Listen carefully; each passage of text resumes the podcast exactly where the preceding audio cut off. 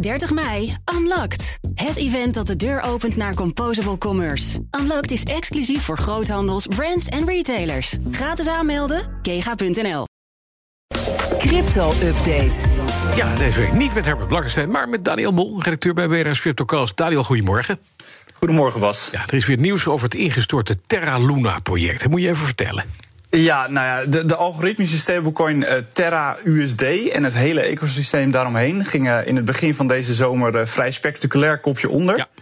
Uh, 60 miljard dollar was daarmee gemoeid. En dat zorgde eigenlijk ook voor dieprode cijfers op de rest van de markt. Ja, mocht je nou denken, het kan niet erger in dit verhaal. 60 miljard is al vrij veel. Mm -hmm. Dan heb je het fout, want oprichter en topman Do Kwon... die staat op de internationale opsporingslijst van Interpol. Mm -hmm. En hij wordt verdacht van allerlei misdrijven rond zijn uh, geflopte project. Ja, nou, zo iemand komt niet voor niks op zo'n op zo'n uh, lijst van Interpol... En, en is dus voor het vluchten, want anders sta je er niet op, hè? Ja, uh, tenminste, dat zeggen de autoriteiten. Want als we hem zelf moeten geloven, uh, als we zijn tweet van twaalf dagen geleden moeten geloven, dan werkt hij gewoon mee met alle autoriteiten die contact met hem willen. Hij heeft helemaal niets te verbergen en hij zou zelfs gewoon nog boodschappen doen. Ja. Nou, de vraag is een beetje, moeten we dat dan geloven? Ja, dat is waar. Nou werd uh, afgelopen maandag bekend dat er nog te goede van die dookwond waren. Maar die zijn inmiddels bevroren, begrijp ik? Ja, uh, het is niet makkelijk om op dit moment uh, Dokwon te heten. Mm -hmm. uh, het gaat om ruim 3300 bitcoin. Dus dan hebben we het over zo'n zo'n 70 miljoen euro. En hij zou dat via zijn bedrijf, dat inmiddels dus ook failliet is verklaard, naar twee Chinese exchanges hebben gestuurd. Een groot deel daarvan is inderdaad onderschept en bevroren. Maar het is vooral opvallend, want hij zou dit geld eigenlijk helemaal niet meer moeten hebben. Hmm. En het lijkt er dus wel dat we hier gewoon echt met een boef te maken hebben. Ook al twittert hij nog heel opgewekt. Ja, en doet hij zelf boodschappen, zoals je zei. Wat, wat, Precies. wat positiever nieuws. Want het Bitcoin-betaalbedrijf Strike haalt 80 miljoen dollar op met een nieuw investeringsrondje. Hoe hebben ze dat nou gedaan? Ja, nou ja, Strike die wil uh, wereldwijd betalen makkelijker maken door Bitcoin en uh, het supersnelle Lightning-netwerk in te zetten. Dat lijkt inmiddels ook behoorlijk goed te werken. En nu hebben ze samen met een venture capital fonds een, uh, een serieus nieuw bedrag opgehaald om het bedrijf verder uit te breiden. En opvallend genoeg zitten er bij de investeerders ook universiteiten uit Washington, St. Louis en Wyoming. Nou, dat komt vaker voor in Amerika, dat, dat universiteiten mee investeren. Maar ja. voor een bitcoinbedrijf is het naar mijn weten de eerste keer. Ja, en dat Strike, wat inderdaad dus betaalgemak wil gaan brengen. Kunnen we dat al gebruiken in Europa? Nee, dat lijkt echt een, uh, dat lijkt echt een eeuwigheid te duren. Mm. CEO Jack Mallers, dat is echt een, een marketingfiguur in een hoodie met hele grote uitspraken. Die kondigde in uh, januari 2021 al de, de wereldwijde lancering aan van zijn product. Maar eigenlijk wachten we in Europa nog steeds. Nou, het vermoeden is een beetje dat hij zich in de, in de Europese regels uh, verslikt heeft. Want je moet namelijk per lidstaat aan allerlei verschillende eisen voldoen. Ja. En Bitcoin-volgers uh, die grappen wel eens dat we strijk pas in kwartaal 5 kunnen verwachten. Wat eigenlijk betekent, het gaat nooit komen. Nee, precies, niet in Europa. Dan, Apple staat de verkoop van NFT's toe op hun eigen platform.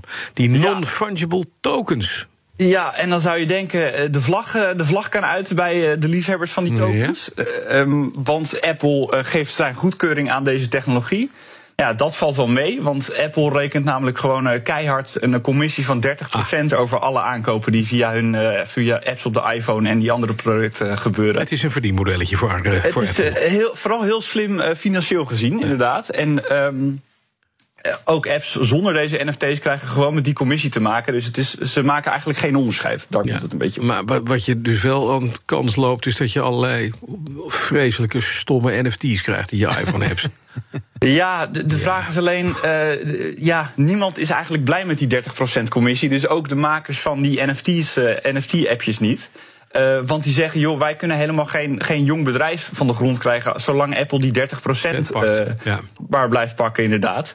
Ja, daarbij krijgen ze uh, bijval, en dat is best opvallend... of nou, eigenlijk niet opvallend, bijval van Tim Sweeney. Dat is de CEO van Epic Games. Nou, die kennen we dan weer van Fortnite. En Epic Games en Apple hebben echt vorig jaar een gigantische rechtszaak uitgevochten... over precies dit onderwerp, die 30% die commissie... of Apple wel of niet een monopolie zou hebben... Ja, daarbij kreeg geen van beide bedrijven eigenlijk gelijk. En uh, Fortnite is nog altijd niet te spelen op een iPhone. Ja, Sweeney heeft dus duidelijk nog een, een, appeltje, een appeltje te schillen met de mensen van uh, ja, Apple. Precies. Ja, hou maar op. Eh. Daniel, wat heb je deze week in de Cryptocast? We praten met uh, Martijn Jeroen van der Linden over de digitale euro, die toch steeds concreter aan het worden is. Uh, Martijn is lector New Finance op de, Hoge, op de Haagse Hogeschool. En hij volgt de ontwikkelingen rond dit onderwerp echt, echt nauwgezet. Co-host bij deze podcast is Paul Buitink. En Bert Slachter is verantwoordelijk voor de presentatie. Want onze Herbert Blankenstein is nog altijd op vakantie. Ja, je hebt hem waardig vervangen. Daniel Mol, dankjewel. Alle afleveringen van de CryptoCast te beluisteren via de BNR-app, bnr.nl of op de podcast-app die je graag gebruikt. Crypto-update wordt mede mogelijk gemaakt door BitTonic. Al tien jaar lang de Bitcoin-autoriteit van Nederland. 30 mei, Unlocked. Het event dat de deur opent naar Composable Commerce. Unlocked is exclusief voor groothandels, brands en retailers. Gratis aanmelden, kega.nl.